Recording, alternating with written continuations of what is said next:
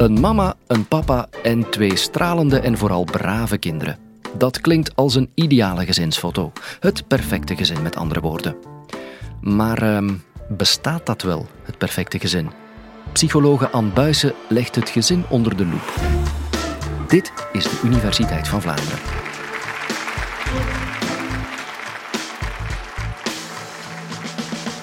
Ik ben een psycholoog en ik probeer het gedrag van mensen in kaart te brengen.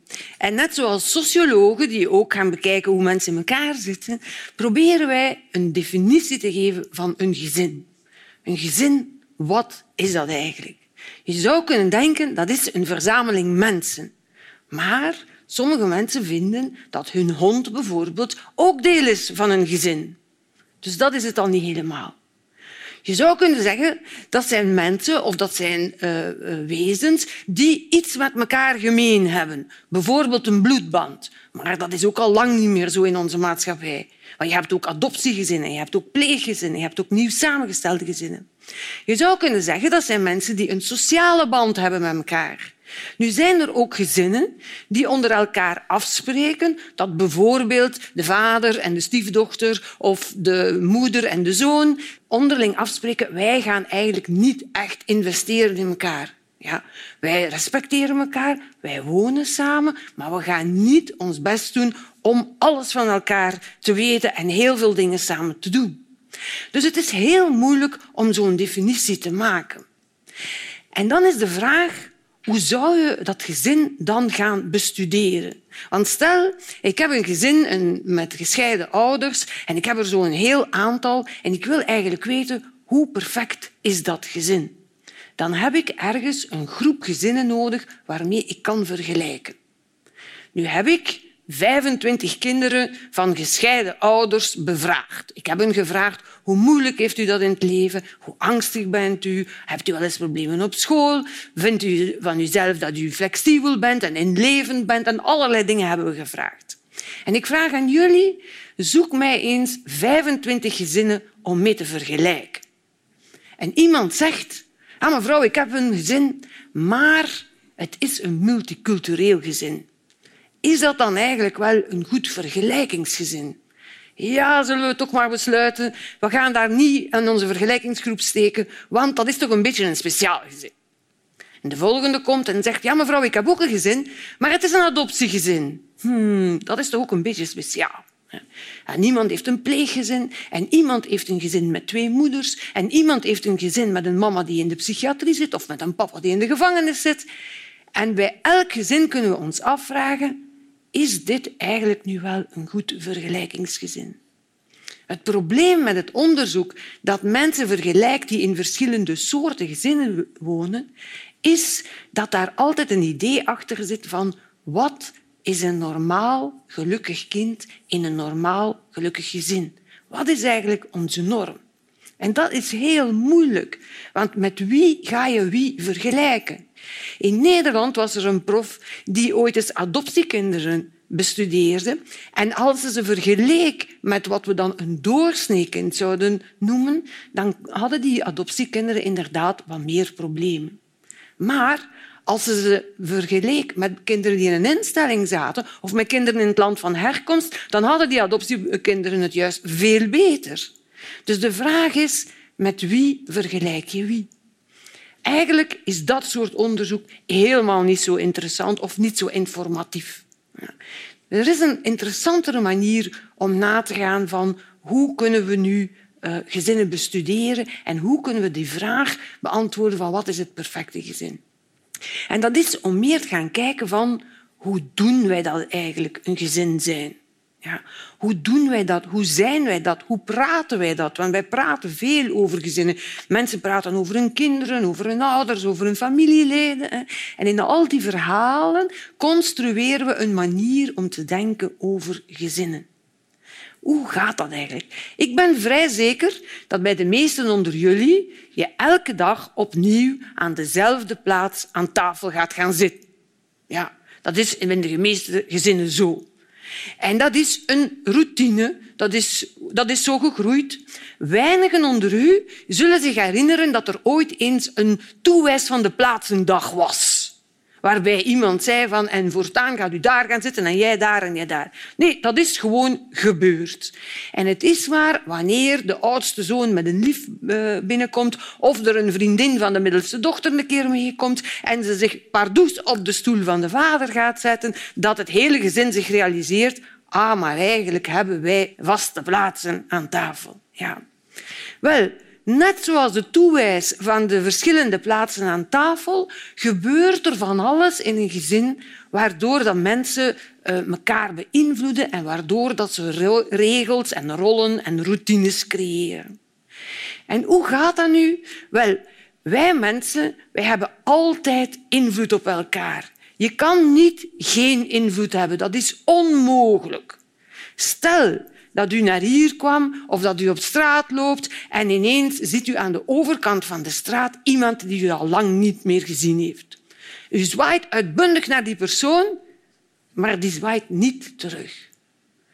Waarschijnlijk gaat u in de minuten en uren nadien denken oei, heeft hij mij nu niet gezien? Of wou die mij nu niet zien? Heb ik daar ooit iets verkeerd tegen gezegd? Moet ik die misschien nog geld? Heeft hij mij geld geleend? Ja. Dus zelfs als iemand niets doet, die persoon zwaait niet terug, dan nog beïnvloedt hij u.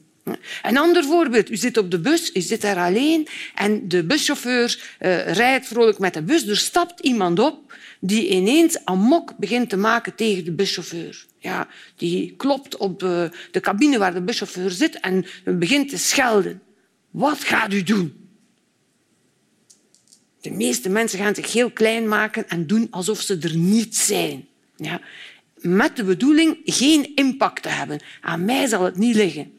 Maar uiteraard heeft uw gedrag wel impact, want u communiceert aan de amokmaker van mij moet je geen schrik hebben. Doe gerust voort. Ik ga u niet tegenhouden. Ja. Dus hoe graag we het ook zouden willen, het is onmogelijk om geen invloed te hebben.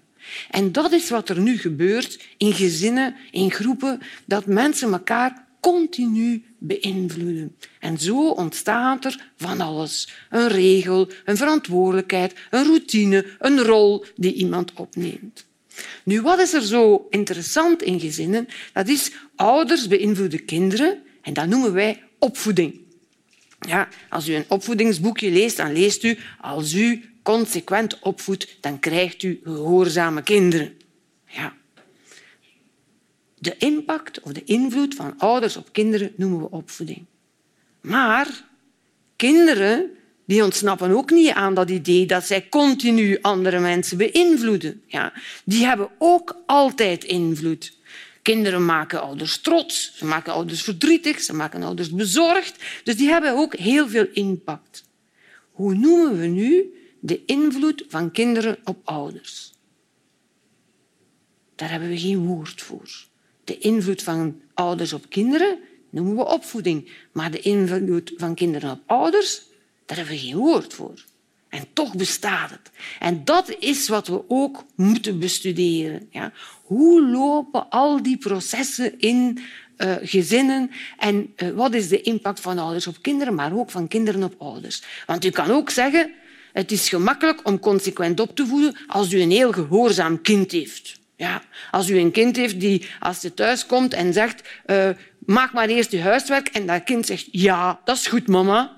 Ja, dan is het niet zo moeilijk om consequent op te voeden. Ja. Maar als je zo een kind hebt die op de vraag of op de opdracht maak nu eerst je huiswerk een beetje begint te zeuren, ja, wat gaat die ouder doen? De eerste dag zegt hij van laat ons eerst een warm chocomelkje drinken vooraleer dat je huiswerk maakt. Maar dat loopt niet goed af. De tweede dag zegt hij laat ons eerst eens gaan voetballen voordat je huiswerk maakt. Dat loopt ook niet zo goed af. De derde dag zegt hij onmiddellijk beginnen met huiswerk en straks gaan voetballen. Dat is ook miserie. Dus er is inconsequentie bij de ouder. Ja. Uiteraard gaat het altijd langs alle kanten. Ouders beïnvloeden kinderen, kinderen beïnvloeden ouders. En zo gaat dat alsmaar door. In het onderzoek dat we daar rond doen, zijn er al heel interessante resultaten naar voren gekomen. Bijvoorbeeld je zou kunnen aan kinderen vragen, eh, wat doet scheiding met kinderen? En dan krijg je hetzelfde als waar we mee begonnen zijn. Je gaat kinderen van gescheiden ouders vergelijken van kinderen met kinderen van niet gescheiden ouders. Maar een interessante vraag die meer gaat over hoe doen wij dat nu uh, familie zijn, gezinnen zijn, is aan kinderen vragen een scheiding. Wat betekent dat eigenlijk voor u? Wat doet dat met u?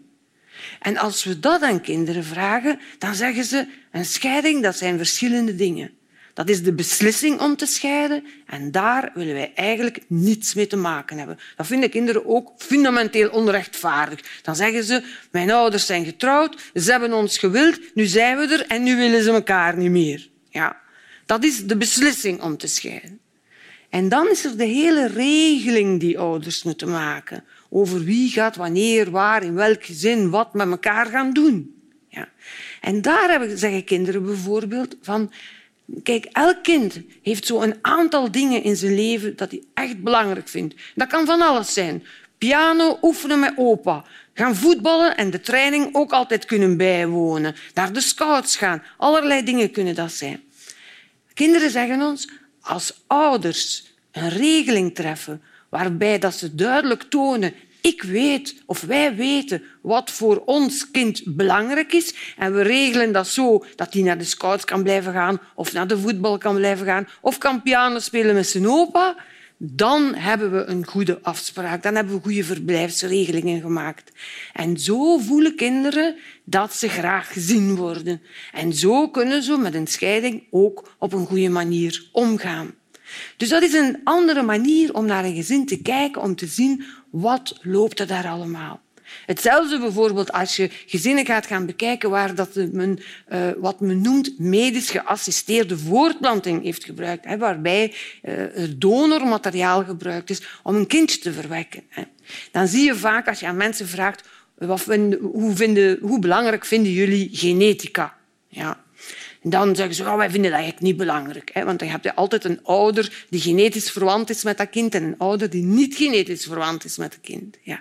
En dan zeggen ze, ja, wij vinden dat niet belangrijk. Voor ons is dat eigenlijk hetzelfde. Maar als je dat dan gaat zien, hoe die mensen dat doen, dan heb je toch wel vaak dat de biologische ouder, de genetische ouder, aan de andere zegt, ververst jij maar het pampertje een keer.